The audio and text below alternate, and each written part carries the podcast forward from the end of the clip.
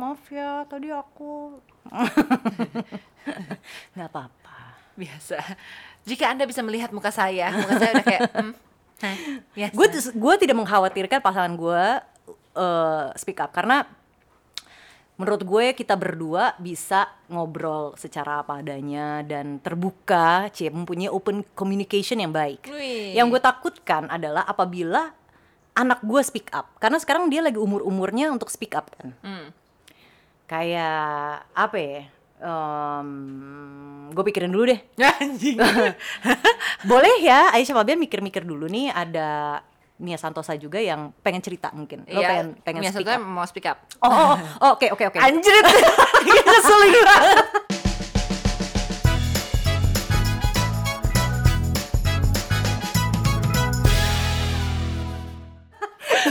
gue cerita gue cerita anak gue. Tapi ini kejadiannya bukan kejadian anak gue jadi ada ada temennya hmm, yang di yang diterpa gosip. Hmm. kan anak zaman sekarang ya lu udah udah udah kena tuh yang kayak gosip-gosip digital gitu. Terus kasihannya kasus pelecehan bro. Anjrit terus? Jadi dia dia di digosipin um, harass someone. Hmm. at this, that school gitu dia kan. harassernya berarti? Iya. Ah, terus? Terus gue nanya sama anak gue kan dia gimana gitu? Jadi berarti dia lagi dijauhin dong sama teman-temannya iya jadi kayak dia ya secara nggak langsung dibully lah ya gitu kan diomongin. "Ih, dia gini nih dia gini dia gini gitu. Terus dia ngomong sesuatu nggak? Kayak membela dirinya nggak? Nggak. Kenapa? Satu karena memang dia tidak melakukan itu. Hmm. gitu Eh, jadi ya udahlah gitu. Jadi menurut gue ya si anak-anak zaman sekarang ini mereka mempunyai privilege yang lebih ya daripada kita untuk em, speak up. Hmm. lo sebenarnya mau bisa tapi ya tergantung lo mau apa enggak. Ya sama aja lah kayak kita pun sekarang juga mempunyai fasilitas itu gitu. Kita melakukannya atau tidak melakukannya. Kan sekarang juga lagi rame tuh kan ya nggak usah jauh-jauh deh. Waktu itu kan kasus teman kita juga ada tuh ya kan? Hmm. terus? Mau milih speak up atau tidak? Ya lagi-lagi kan juga itu pilihan ya. Betul. Terkadang akhirnya eh, lo sebagai seseorang gitu lo memilih lo mau menjustifikasi diri lo atau tidak? Apart from the fact ya gitu. But eh, gue sih juga tetap gimana ya we stand with the ini kan Victim. victim Hmm. gitu Kalau gue tuh eh, tadi pas lo bilang lo cerita soal eh, anak lo, gue langsung kepikiran bahwa sebenarnya yang lebih mengerikan eh, bukan orang yang speak up, tapi ketika orang itu speak up karena udah meledak. Hmm. Jadi kan upbringing orang beda-beda lah ya. Ada yang kalau kayak gue aja karena kita generasi peralihan antara boomer gitu, eh, yang mana kita pernah di, ada di posisi yang sangat amat ditekan untuk nggak boleh speak up gitu, nggak boleh menyampaikan pendapat kita, pendapat kita irrelevant karena kita anak, jadi kita harus ikutin apa pendapat yang menurut orang tua kita baik. Kita tuh pernah ada di posisi kayak gitu dan itu membentuk eh, secara generasi gitu ya. Kayaknya banyak juga peer-peer kita yang masih mengalami hal tersebut. Ya. Eh, bahkan misalnya pun kayak lo lo punya anak lo pengen anak lo bisa speak up kan makanya lo ajarkan dia untuk speak up gitu gitu kan. Jadi semoga ada perbaikan di generasi berikutnya tapi orang yang sangat mengerikan itu adalah yang kayak kayak lo bilang nih tadi pasangan lo kamu kok sabar banget ya? Apakah dia sabar ataukah dia terbiasa untuk menelan itu semua sampai akhirnya maksudnya ini mungkin eh, ini bisa jadi mild tapi bisa jadi kalau dalam kasus-kasus tertentu bisa jadi sangat amat besar kan? Kayak lo udah terbiasa menelan itu eh, lalu kemudian pada suatu saat lo reach breaking point dan lo baru speak up tapi itu udah speak up itu udah kayak eh, semua kejadian yang lo alami selama mungkin bisa bisa setahun dua tahun bahkan 10 tahun sebelumnya gitu. kayak se- kayak kasus teman kita gitu ya. Misalnya dia dia eh, memikirkan apakah dia akan speak up atau enggak itu pun cukup lama kan? Iya. karena menurut gue itu hal yang susah loh. Betul, lo membawa me- lo mengakui pertama mengakui dulu mengakui bahwa ini terjadi. Kedua mengakui bahwa ini terjadi sama lo. Hmm. itu tuh ya ampun. Nggak nggak cuman kita ngomongin kayak harassment gitu ya. Apa pun apa pun itulah misalnya kayak bahkan sesimpel diselingkuhin gitu ya. Itu menurut gue lumayan simpel dibandingin harassment. Ya dulu gue sebagai korban diselingkuhin dua kali gue tuh nggak mau banget ngakuin itu. Gue nggak mau banget orang sampai tahu gue pernah diselingkuhin karena menurut gue itu memalukan Hmm. dari appearance gue kan cewek Oh, strong uh, ya kan Hmm. Masa gue Masa diselingkuhin gitu? gitu. Iya, iya. bahkan sesimpel itu aja Hmm. ada perasaan kayak gitu kan apalagi untuk orang-orang yang kayak kemarin Hmm. kasus ini yang terjadi pada sebuah komisi Hmm. yang meregulasi tentang penyiaran-penyiaran gitu itu itu menurut gue sangat amat besar dan Hmm. eh, conversation yang dipertanyakan sama sama beberapa peers gue ya Hmm. karena kita ngebahas hal kayak gini pertama kenapa dia baru speak, speak up sekarang Mm. terus eh, padahal ini kejadiannya udah lama Hmm. terus kenapa yang kedua kenapa dia nggak nggak cabut dari tempat itu Hmm. gitu walaupun se- setelah kita berdiskusi orang-orang kan beda-beda ya. Ya. Ada yang kayak anak lo yang dibesarkan dengan culture yang kayak ya kalau lo di kalau lo kenapa kenapa ya lo ngomong. Hmm. Kalau lo mengalami ketidakadilan ya lo ngomong. Biasakan lo bisa ngomong mengkomunikasikan hal tersebut. Tentu saja orang-orang ini punya posisi yang lebih kuat kan Ya. karena dia udah udah punya keberanian itu. Tapi kan nggak semua orang berani, cuy. Iya cuy, karena kan pasti ada kayak pressure-pressure lain kan. Hmm. Menurut gue itu lo bully sekecil apa pun eh, atau harassment sekecil apa pun itu kan udah mempengaruhi mental lo kan. Betul, betul. Iya kan? Betul.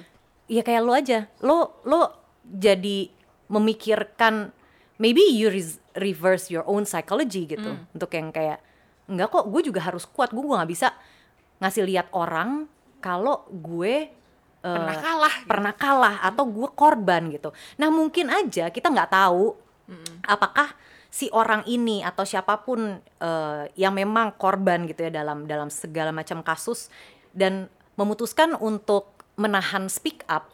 Mungkin aja dia setiap pagi bangun tidur tuh dia merasa bahwa I'm stronger gitu kan. Hmm. Jadi sampai pada akhirnya oke deh, gue harus accept. Yang di mana waktu orang accept itu bisa beda-beda, Betul, bisa ada yang betul. kayak ya kan, cuman dan lo acceptance itu is not that lo mengaku kalah ya menurut gue gitu. Hmm. Dan juga bukannya lo untuk mengaku benar, Hmm. tapi you just accept and then you you want to talk about it gitu. Hmm. Em, menurut gue itu bukan hal yang mudah. Bukan banget. Ini terjadi di semua semua lini kehidupan ya. Bahkan se men- kita ngomongin mental health deh. Ini gue alamin di London loh. Yang katanya kan katanya Indonesia negara dunia ketiga ya kan. Terus kayak itu negara adidaya juga ya selain Amerika Serikat gitu. Tapi ternyata enggak juga di dalam conversation peer to peer gitu. Eh, bahkan orang-orang dari Eropa, dari Inggris sekalipun mereka sangat tidak suka maksudnya ini membutuhkan kekuatan untuk mereka meminta pertolongan atau datang ke counselor mental health. Hmm.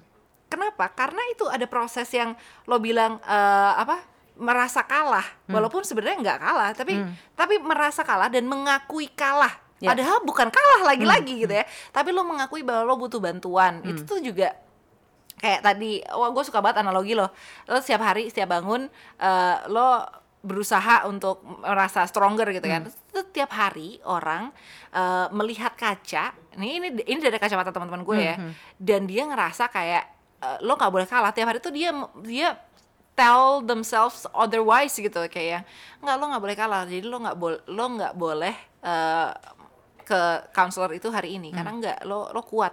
Lo Iya, iya. lo nggak kalah. Ini Ya. tuh nggak ini tuh nggak ada kayak gitu gitu kan. Hmm, akhirnya fast forward sampai eh, gue lulus kapan sih? 2005 tiga tahun kemudian. Hmm. akhirnya orang orang-orang tersebut baru berani meminta bantuan mental health Hmm. cuman itu cuman urusan kayak gitu doang Iya. cuman mengakui bahwa dia punya anxiety dia eh, sangat amat perfeksionis ketika ketika dia hal yang udah dipikirkan tidak berjalan sesuai rencananya kemudian dia berserk gitu Hmm. dia nggak bisa tidur dia nggak bisa makan dia nggak bisa kayak gitu itu menurut gue dibandingin di- apalagi orang yang harass ya Iya, kan iya. apalagi korban harassment apalagi korban bully gitu Hmm. Iya. Karena kadang-kadang aja maksud gini, itu kan kalau kalau misalnya udah menjadi korban bully, korban harassment, sudah me- apa ya hubungannya dengan orang lain. Hmm. Kalau misalnya hubungannya dengan diri lo sendiri aja sa- satu orang manusia tuh mempunyai layer pemikiran banyak kan, Hmm. gitu kan. Dan itu aja lo harus em, fight on your own. Misalnya kayak yang tadi lo bilang kita diajarkan dulu eh kita tidak diajarkan untuk speak up dengan orang tua gitu kan. Yang somehow di pikiran kita juga pressure untuk gua harus menjadi lebih baik nih. Dari dari nilai-nilai sekolah kayak atau apa kayak gitu kan. Itu kan lo juga sudah membuli diri lo kan. Iya kan? Jadi yang pada akhirnya mungkin sampai sekarang pun ada beberapa hal yang gue juga nggak bisa speak up ke orang tua gue dan akhirnya menjadi sudah terlalu larut karena lo udah bisa handle it by yourself. Nah menurut gue bukannya menyamakan pasti beda lah. Dan setiap setiap em, kejadian juga pasti beda-beda gimana pengaruhnya ke mental seseorang gitu kan.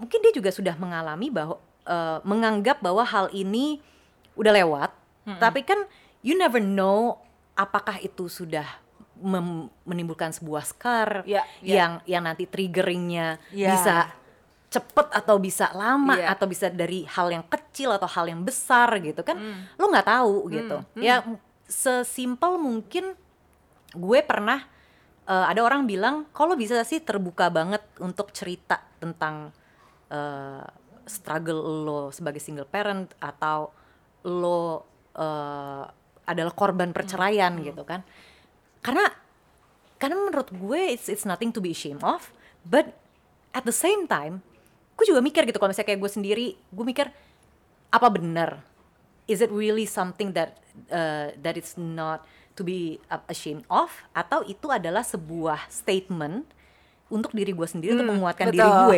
Betul. iya kan? Iya, Iya betul. kan? Heeh. akhirnya gue live by it and then I feel fine. Cuman terkadang ya to be honest pasti masih ada lah sedihnya gitu. Oh ternyata emang gue, gagal ya gitu. Emang ternyata I failed on that gitu. Nah itu yang yang akhirnya harus di accept and it took me eh, nggak langsung dong untuk Nggak accept langsung. itu proses lah itu. Gitu. itu pasti proses dan dan em, kayak kayak dulu gitu ya gue gue nggak suka sebutan janda gitu. Single mom it's okay. Single parent is okay divorcee is okay tapi kayaknya tuh janda tuh kasar gitu. Ya sekarang gue akan yang kayak ya ya udah ya gue janda gitu. Kayak lebih lebih bisa lo mengakui dan lo itu kan bagian speak up ya dengan Iya. dengan gue gue berani ngomong gue janda. Berarti emang gue sudah mengakui itu gitu. Gue udah accept dan gitu ternyata kan. begitu lo ngomong lo janda kemudian misalnya orang tapi yang boleh tapi yang boleh ngomong gitu cuman gue Iya. Lo-. Misalnya Iya, lo, iya. nah, lo kan ngomong lo janda gitu ya ke ke orang lain itu, ke gue gitu misalnya. Kemudian reception orang itu jadi jadi penting juga nggak buat lo? nggak sekarang udah nggak Oke. sekarang udah nggak Hmm. ya dulu ya pasti karena gue gue nggak suka dengan kata Hmm. itu gitu ya sebelum gue jadi janda pun ya karena menurut gue yang kayak eh itu kan dia kan janda gitu. Kayak kenapa sih kok konotasinya negatif banget gitu? uh. nah pas gue menjalani itu sendiri Hmm. eh, semakin makin dong ya kan? Cuman ya udah makanya gue nggak pernah ngomong itu gitu. Gue nggak pernah mengeluarkan kata janda dari mulut gue untuk diri gue sendiri sampai pada akhirnya gue nggak udah nggak peduli. Ya tuh ya mereka juga tahu kok gitu. Bahkan gue siarannya sekarang gue udah bisa ngomong gitu. Iya tapi menurut gue itu tuh. Jadi proses eh, speak up tuh training kalau buat gue. ya ya ya ya. One on one gitu ya. Gue aja mungkin masih sekarang masih di tahap one on one kok. Gue belum belum untuk untuk beberapa skar terbesar gue, gue belum bisa ngomong ke orang banyak Iya, gitu. iya. Tiga orang atau lebih bahkan tuh udah kebanyakan itu. Misalnya masih one on one dan itu gue menemukan itu terapi yang sangat menyenangkan. Jadi kayak misalnya eh, pertama kayak tadi lo lo, lo kalau lo buat lo kata itu kan adalah sebuah hal besar yang harus ditaklukkan gitu ya. Ya. Kalau misalnya kayak eh, korban harassment gitu, dengan bilang kayak "Sebe- si ini pernah beginiin gue, itu itu gila, udah berat banget. Udah berat. Udah gitu kayak ke satu orang aja menurut gue matters. Jadi Ya. ketika satu orang satu orang ini ya memang kemudian lo harus latihan juga untuk picky ke siapa ya lo Iya, ngomong iya. biar itu nggak jadi gosip, tapi itu bisa jadi support buat lo gitu. Nah itu pun ketika reception orang tersebut misalnya mendengarkan dengan baik, tidak tidak menjudge, tidak mempertanyakan misalnya emang lo pakai baju apa waktu itu, kayak gitu-gitu. Ah jangan-jangan lo sih yang kayak kayak mempersilahkan dia mendekati lo. Reception temen itu menurut gue sangat amat penting sih. Iya. Kayak misalnya lo ngomong gitu, lo ngomong gitu ke gue terus tanggapan gue kayak yang, ah ah ya ama ama gue kayak oh kok lo ngomong gitu sih buat diri lo sendiri? Kan kok kok ngecap lo janda sih? Kan beda Iya, dong. iya. Itu eh, memang itulah training yang harus dilewatin untuk kita bisa mulai untuk speak up sih Mm-mm. apalagi di usia yang sekarang dan kita udah con- udah conditioned nih Ya. untuk tidak pernah speak up gitu hmm. kalau ngomongin berapi-api ya iya makanya biasanya gue nulis dulu gue juga nggak bisa speak up sama orang tua gue gue akhirnya nulis surat Iya, itu terapi lo ya. Mm-mm. Heeh. Dulu terapi gue ngapain ya? Nggak ada. Gue benar-benar jadi akhirnya gue jadi pribadi yang pasif agresif. Hmm. Dan gue lebih memilih untuk ya kayak lo sih gue exclude aja toh gue udah ya gue bisa menjalani ini sendiri gue nggak butuh komentar lo gue nggak ya gitulah Iya, iya, jadi iya. akhirnya gue antipati gitu Hmm, tapi memang semakin lama ditumpuk ya meledaknya ya kayak yang kemarin kita lihat gitu itu kan buset lama banget lo bisa ngebayangin ya lo selama itu dia harus menyimpan bahkan Iya. bukan bukan cuma mengendure ya menyimpan itu semua dirinya sendiri terus orang dengerinnya kayak gitu tuh kan sangat amat tidak menyenangkan Hmm, dan itu kan eh, dengan dia melakukan itu siapa pun gitu ya yang memutuskan untuk speak up, dia nggak cuman kayak ngeluarin unek-unek loh, ya kan? Itu pasti akan datang dengan ya itu lagi. Apakah itu akan jadi gosip, tanggapan orang beda-beda. Lo udah harus tutup eh, ini sih kuping kanan kiri sih, menurut gue. dulu pas lo zaman zaman sekolah nih sebelum lo mengalami perceraian. Hmm. perceraian menurut gue life changing dong. Sebelum itu lo pernah nggak dibully yang sampai bikin lo membekas banget dan Eh, akhirnya merubah either either either merubah lo berubah cara lo berkomunikasi atau merubah pertemanan lo atau malah lo jadi sama sekali gak bisa speak up atau gimana Gue palingan tuh pernah dibully waktu SMP karena gue terlalu kurus. Jadi setiap gue lewat, orang-orang tuh teman-teman gue yang cowok-cowok khususnya ya.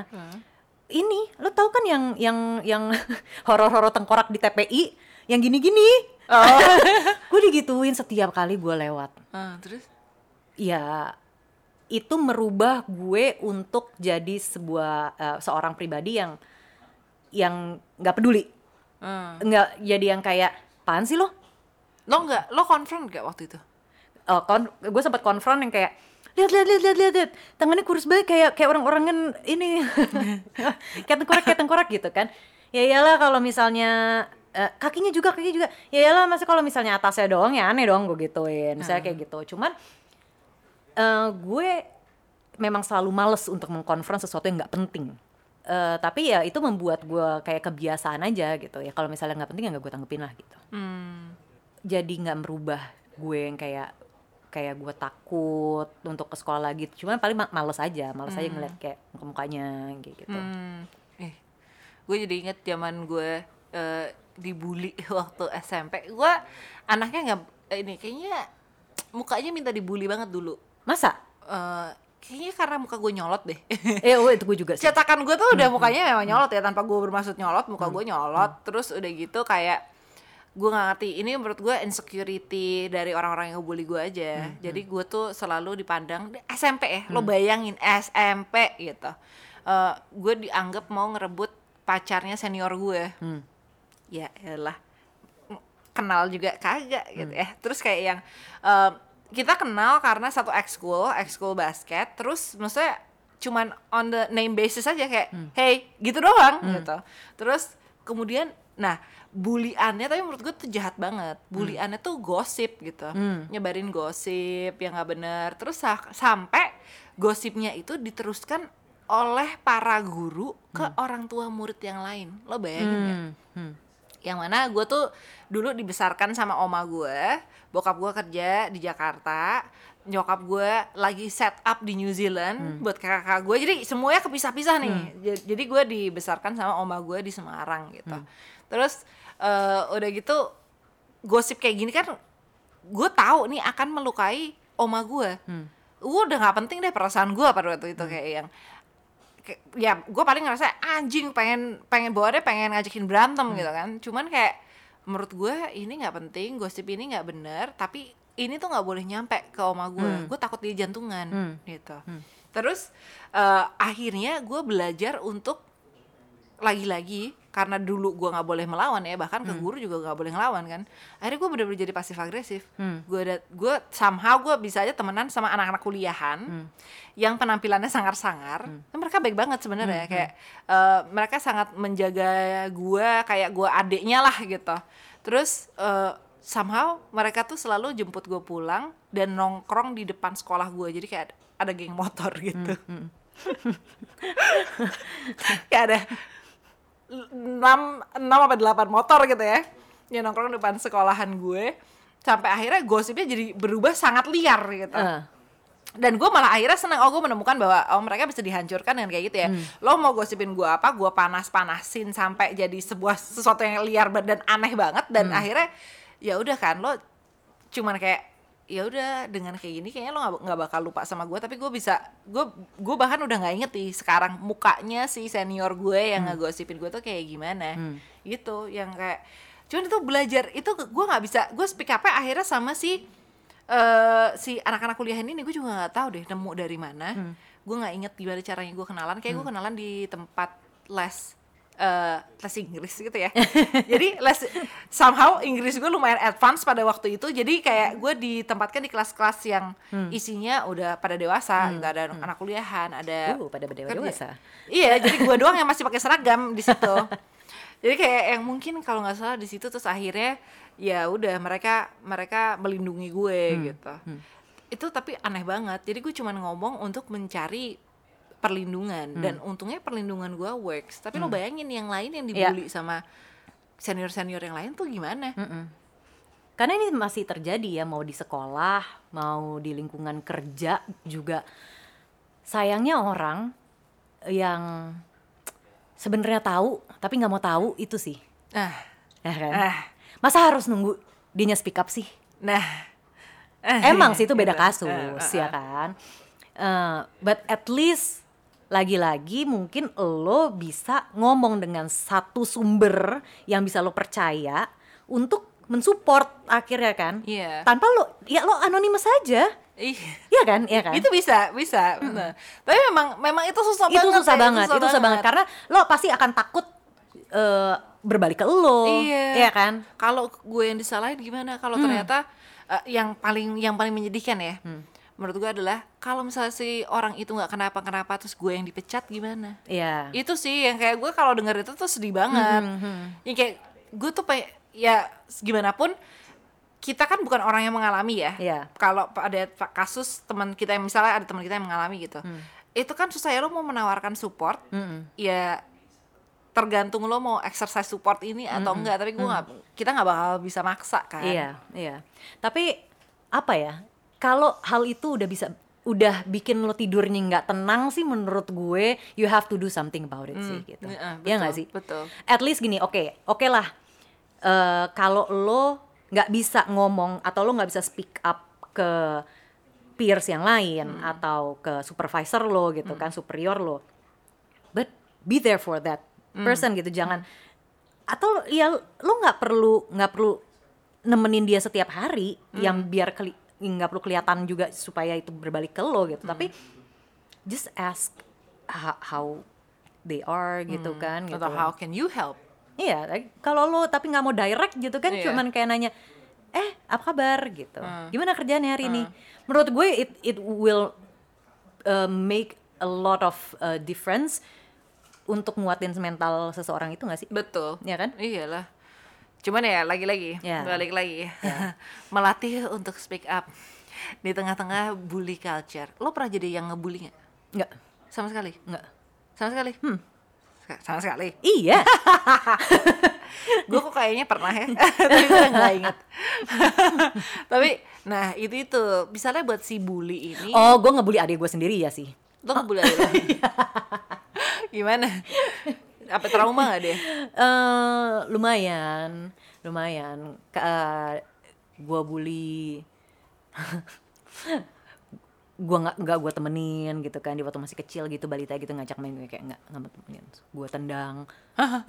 Yang cewek yang cowok? Yang cewek lah. oh karena insecure ya dulu ya? Iya, ya, iya. Tapi balik lagi ya, ternyata orang yang ngebully itu Nah. selalu orang yang insecure. Betul, Iya. betul. Kayaknya dulu ada ada ya momen-momen gue pernah ngebully selain kayak ospek ya masa ospek tuh kan akhirnya seperti tanggung jawab kan kayak Ya. oke job desk lo adalah lo harus ngomel gitu kan Heeh. yang ini yang emang gue yang sebagai bulinya kayak gue cuma neriakin orang aja tapi kemudian gue merasa bersalah loh Nah ya berarti itu kan lo masih punya hati nurani kan? iya tapi tapi kenapa gue tetap kayak gue Tetap melakukan hal itu. iya kayak gue dipanas-panasin sama teman gue terus gue gampang banget ngebully orang gitu Nah, itu juga bisa jadi yang yang terjadi gitu kan. Apakah satu kelompok ini yang membuli awalnya cuma ikut-ikutan. Hmm. Kalau misalnya lu nggak ngebully juga lu nggak asik. Iya gitu kan. Iya kan? Kayak temen misalnya temen lo, ih lihat tuh lihat tuh, tuh, tuh. Hmm. Eh, lo nggak mau itu teriakin tuh. Ih gayanya kayak gitu. Kayak gitu loh. Iya, iya. Cuman kayak gitu terus gue teriakin beneran tuh orang. Dia lagi jalan di tengah lapangan, terus gue teriakin, gue bahkan lupa, maaf banget nih siapa pun namanya. Pokoknya dulu lo pakai baju merah. Yang pakai baju merah jangan sampai lolos. Dia nggak sampai lolos. terus gue teriakin, terus habis itu gue merasa bersalah. Kenapa ya? Dia nggak pernah ada urusan sama gue. Dia kalau depan gue sopan-sopan aja. Gak pernah ada nyolot-nyolotnya. Kenapa gue teriakin? Padahal gue tahu rasanya karena gue dulu sih diselengkat gitu Ah, ah, ah, kan. ah. Ada teman gue diguyur air gitu. Itu itu kasihan sih si teman gue yang diguyur air. Tapi bahkan teman gue yang diguyur air sekarang sudah menjadi superstar Woi. yang ngeguyur air jadi apa? Nggak pernah kedengeran. Aku nggak tahu dia jadi apa. Yang ini dia udah punya, udah pernah tampil di billboard, udah apa, udah apa gitu. Iya, tapi ini tuh yang tadi tadi kita omongin memang akhirnya bikin gua flashback lagi kan lo nanya gue pernah jadi bul- pembulinya nggak pembuli. gitu kan? Gua nggak pernah jadi pembulinya, gua mungkin dibully sebatas itu aja. Tapi ada temen gue juga yang dibully waktu SMA, and I didn't do anything about it karena gue merasa ya udahlah ya gitu kan gue juga punya teman-teman gue yang lain gitu kenapa gue masih jadi teman dia nah mungkin kan kalau misalnya kita bisa membuat keadaan itu jadi lebih baik, mungkin dia juga jadi lebih baik sekarang gitu. Sekarang dia gimana? Ya she- she's fine sih. Hmm. Gitu. Bulinya juga nggak terlalu parah. Ada dulu juga temen gue yang air minum diganti air kencing. Anjrit. Itu masih masih SMP kelas 1. Chaos Hujat banget. banget kan. Terus? Gila sih. Cuman jauh itu lebih jauh lagi gitu loh. Maksudnya gue nggak pernah main sama dia Ih, gitu. ya Allah ngeri banget. Untung aja, oh ya ampun, gue langsung kayak, hah ternyata dunia bully itu sekeras itu ya dulu di sekolah-sekolah keras lain sih ya? keras sih.